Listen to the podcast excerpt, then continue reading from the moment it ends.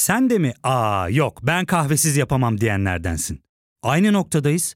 İlk ve tek kahve üyelik uygulaması Frink'le tanış. Hem bütçeni koru hem de hiç bitmeyen kahvenin tadını çıkar. Yakınlarından terapinin onlara ne kadar iyi geldiğini dinlesen de kendin için bir şeylere başlamak zor geliyor olabilir. Ya da sevdiklerine yardım etmeye istekliyken kendi ihtiyaçlarını görebilmek. Hayvel, uzman psikologlarıyla kendi ihtiyaçlarını bulmanda sana destek olacak. Terapi yolculuğuna başlamak için detaylı bilgi bölümün açıklamalarında. 14 Ekim Cuma günü Bartın'ın Amasra ilçesinde bir maden ocağındaki patlama son yılların en büyük işçi katliamlarından birine neden oldu. 41 işçi hayatını kaybederken onlarca işçi de yaralandı. Maden faciasının ardından yapılan açıklamalar ise Türkiye'nin siyasi rejimi hakkında fikir veren gelişmelerden oldu. Faciaya kader, alın yazısı dediler. Ölenler de şehit oluverdi. İslamcılığın her boyutunu konuştuk Trend Topik'te de demek ki bir de kapitalizmle ilişkisini konuşmak gerekiyor. Uzatmayayım, ben Ozan Gündoğdu, hadi başlayalım. Yayındayım şu anda. Tamam. Eksi 350 kotundan bahsediyorlar. Ee, en az 50 kişinin içeride olduğundan bahsedildi. Sağlık durumları hakkında bilgimiz yok. Ulaşılmaya çalışıyor. Evet, bir arkadaşımız çıkarıldı.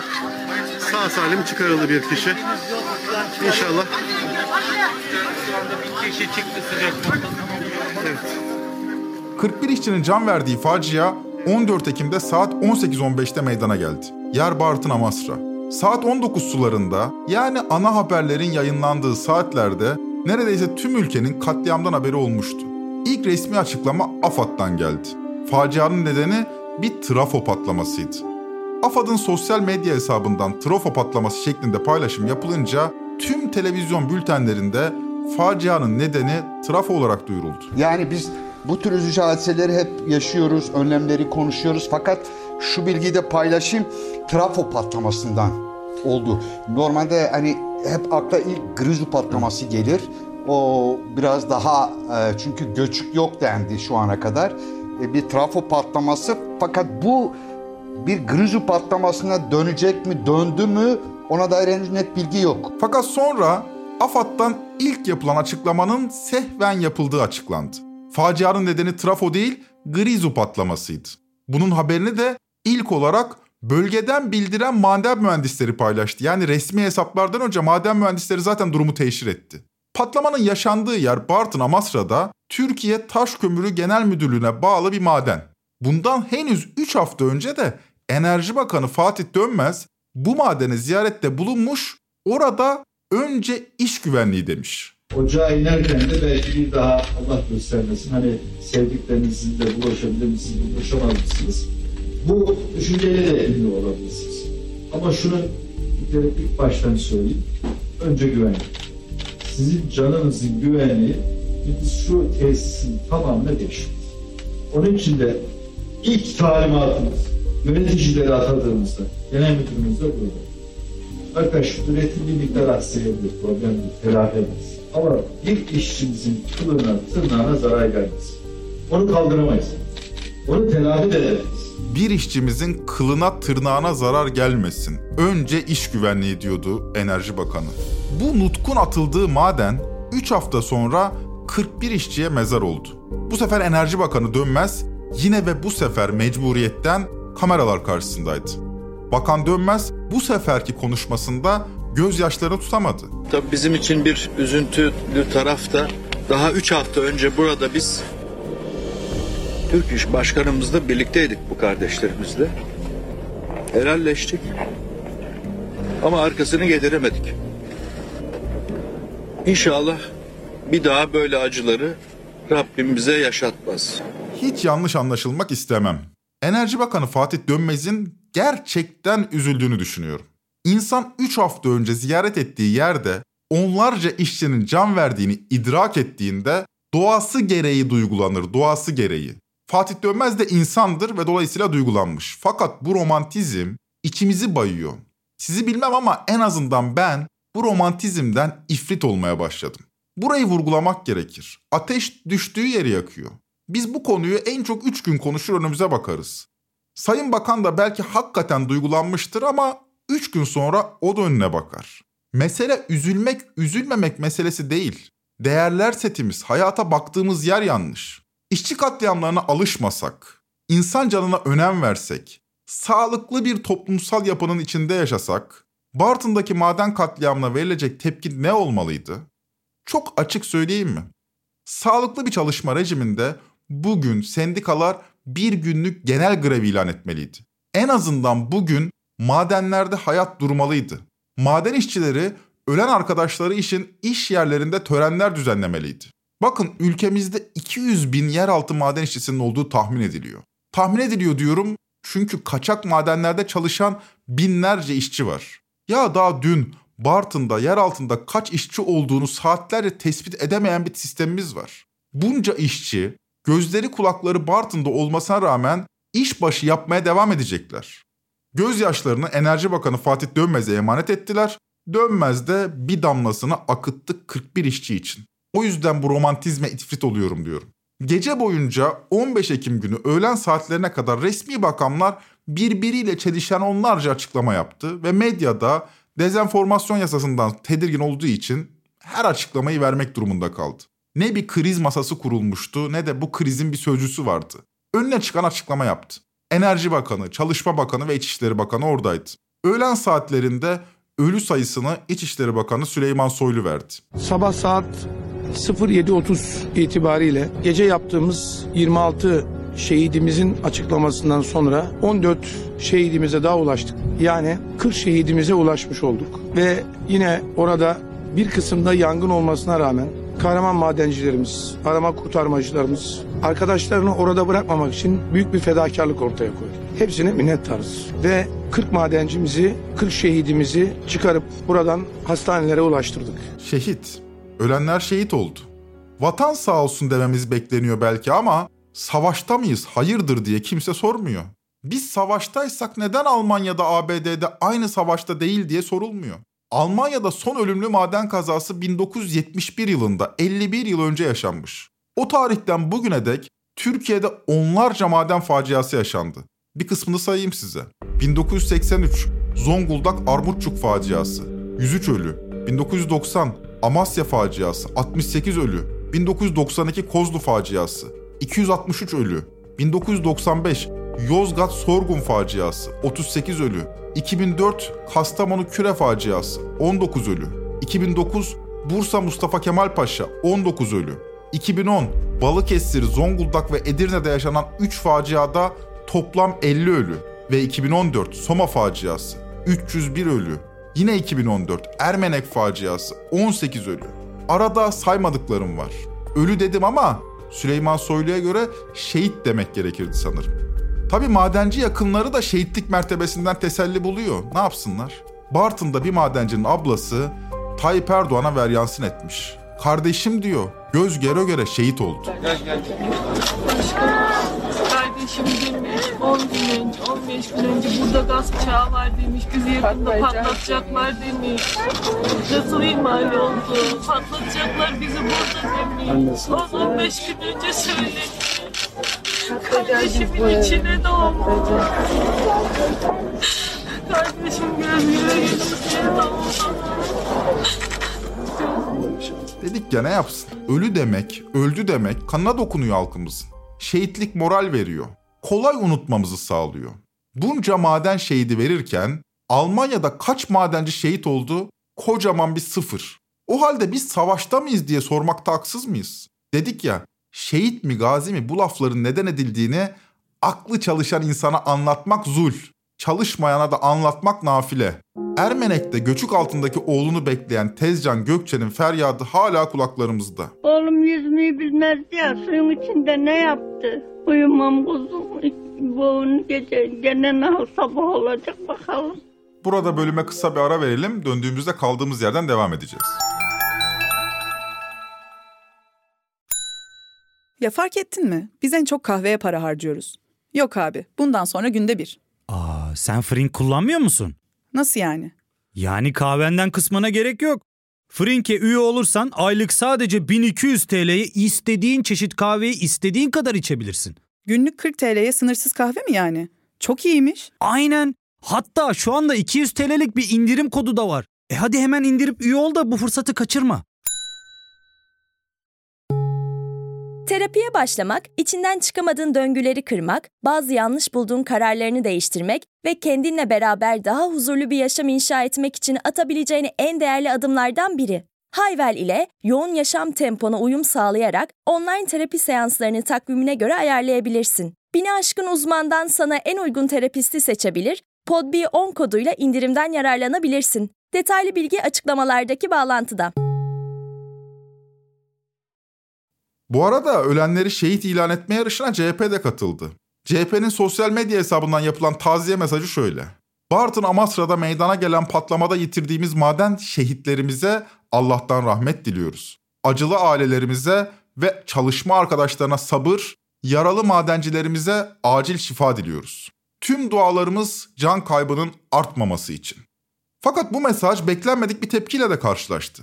CHP Genel Başkan Yardımcısı Gökçe Gökçen Twitter hesabından partisinin bu paylaşımına tepki gösterdi. Şöyle diyor Gökçen Hanım. Hayır, maden şehidi diye bir şey yok. Sırf para için insan canını riske atanlarla Sayıştay raporlarında açık açık uyarılmasına rağmen keyfine bakanların sorumluluğunu örtmek için ortaya atılan tabirleri biz kullanamayız.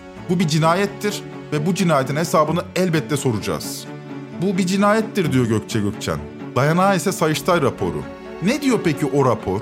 Onu da CHP Zonguldak Milletvekili Deniz Yavuz Yılmaz'dan dinleyelim. 2019 yılı raporunda Sayıştay, Türkiye Taş Kömürü'nün Amasra müessesesinde artık kömür üretiminin eksi 300 kotuna geldiğini, yani yerin 300 metre altından kömür çıkarılacağını ve bu aşamadan itibaren yapılan ölçümlerde gaz içeriklerinin yüksek çıktığını belirtiyor ve Grizu patlama riskinin de arttığını, yüksek olduğunu raporun bulgusunda ifade ediyor. Sayıştay'ın raporu paylaşılınca ben de raporun ilgili kısmını okumuş oldum. Sayıştay gerçekten de sadece gün vermemiş. Yani şu gün şu saatte patlama olacak dememiş. Onun dışındaki bütün riskler raporlanmış. Bu arada büyük bir şey zannetmeyelim Sayıştay'ın yaptığını. Herhangi bir maden mühendisi Grizu'nun neden patladığını bilir. Madendeki riskleri ölçmek yüzyıllardır insanlığın yapabildiği bir şey. Grizu riski oluştuğu zaman ölçüm cihazları zaten alarm vermeye başlıyor. Böyle bir durumda madene düşen madeni kapatmak, bölgenin oksijenle temasını kesmek. Çünkü metan ve oksijen bir araya gelince patlama oluşuyor. Oksijeni kestikten sonra metan gazını tahliye ediyorsunuz ve çalışmaya devam ediyorsunuz. Fakat bu esnada kömür çıkaramıyor fakat işçilere ödeme yapmaya devam ediyorsunuz ki bu da ilave maliyet anlamına geliyor.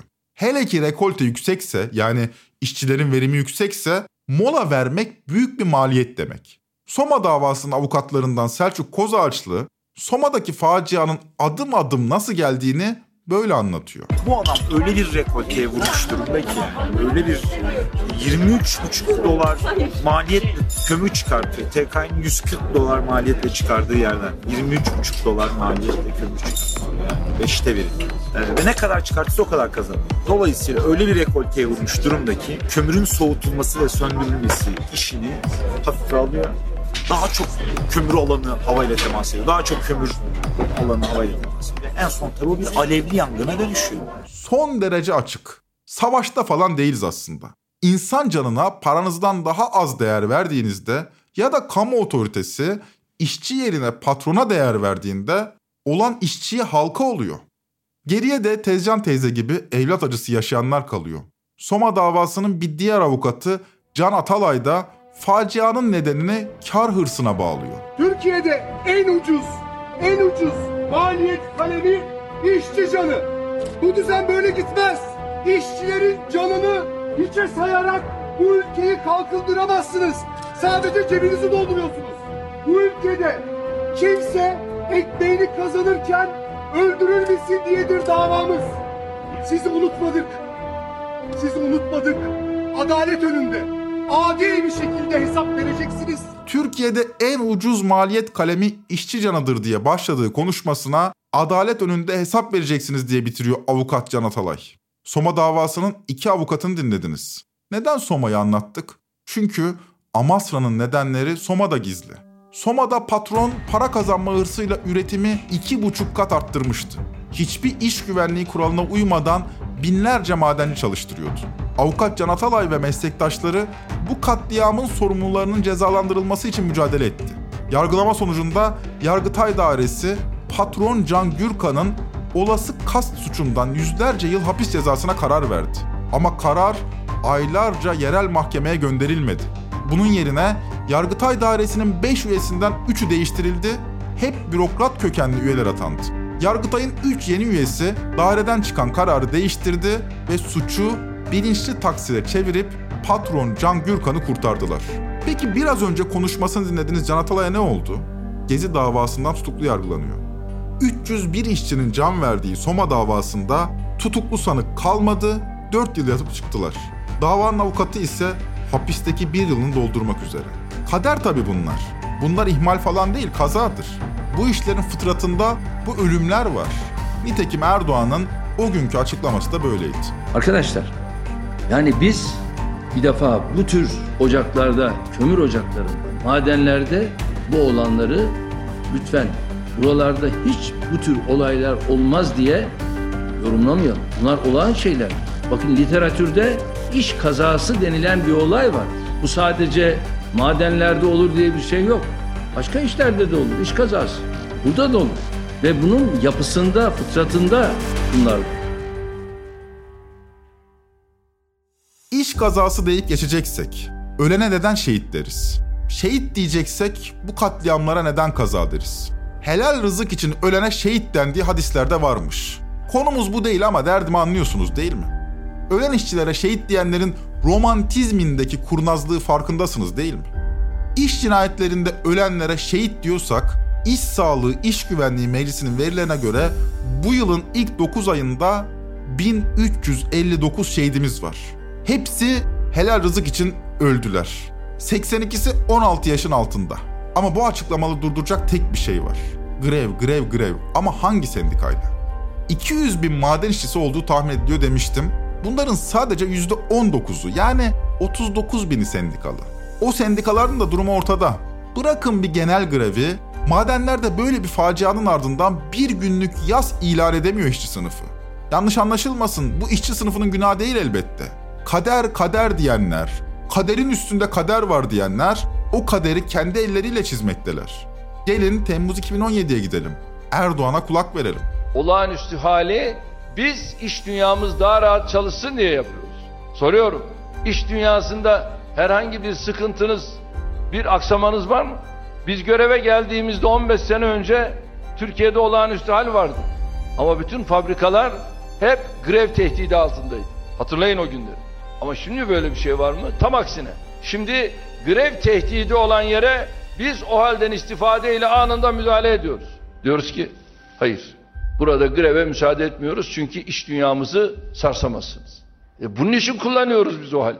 Erdoğan o hali grevleri yasaklamak için kullana dursun. Uluslararası Sendikalar Konfederasyonu yani kısa adıyla İTUK raporları içler acısı. İTUK her yıl işçiler için yaşanması en zor 10 ülkeyi derliyor. 2022 raporundaki en kötü 10 ülkeyi sizlere okuyayım. Belarus, Brezilya, Kolombiya, Mısır, Myanmar, Filipinler, Eswatini, Guatemala ve Türkiye. Ne alaka sendika diyeniniz olabilir. İzah edeyim. İşçi örgütlü olursa grizu riskine rağmen onu madene sokamazsınız. Riski gören mühendis bunu işçiyle paylaşır. Sendika temsilcisi madenciyi toplar ve çıkıyoruz der. Maden terk edilir. Fakat işçi örgütsüzse, sendikasızsa mühendis durumu patronla paylaşır ve işçinin kaderi patronun iki dudağına hapsolur. İşçi durumdan habersizdir. Sonuç ise facia oluyor. Enerji Bakanı da gözyaşı döküyor. Çok üzüldü. Haklıdır üzülmekte.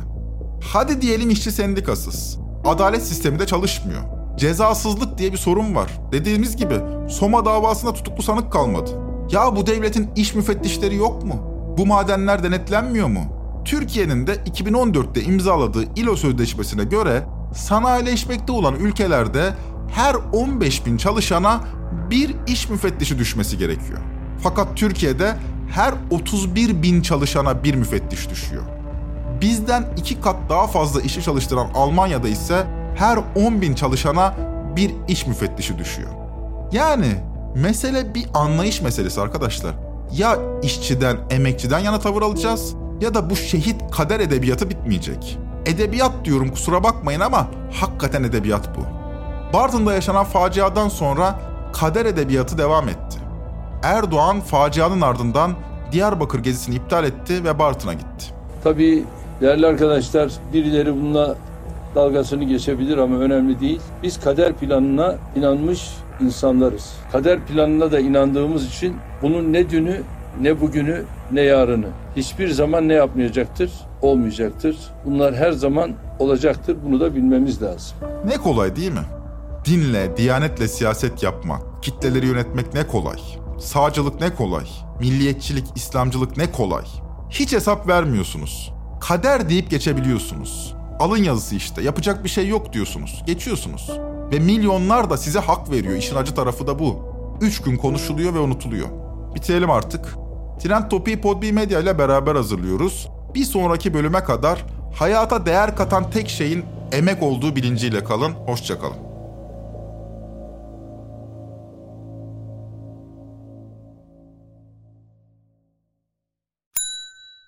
İlk ve tek kahve üyelik uygulaması Frink, 46 ildeki 500'den fazla noktada seni bekliyor. Açıklamadaki kodu girerek sana özel 200 TL'lik indirimden faydalanmayı unutma. Hadi sen de Frink üyeliğini başlat, kahven hiç bitmesin.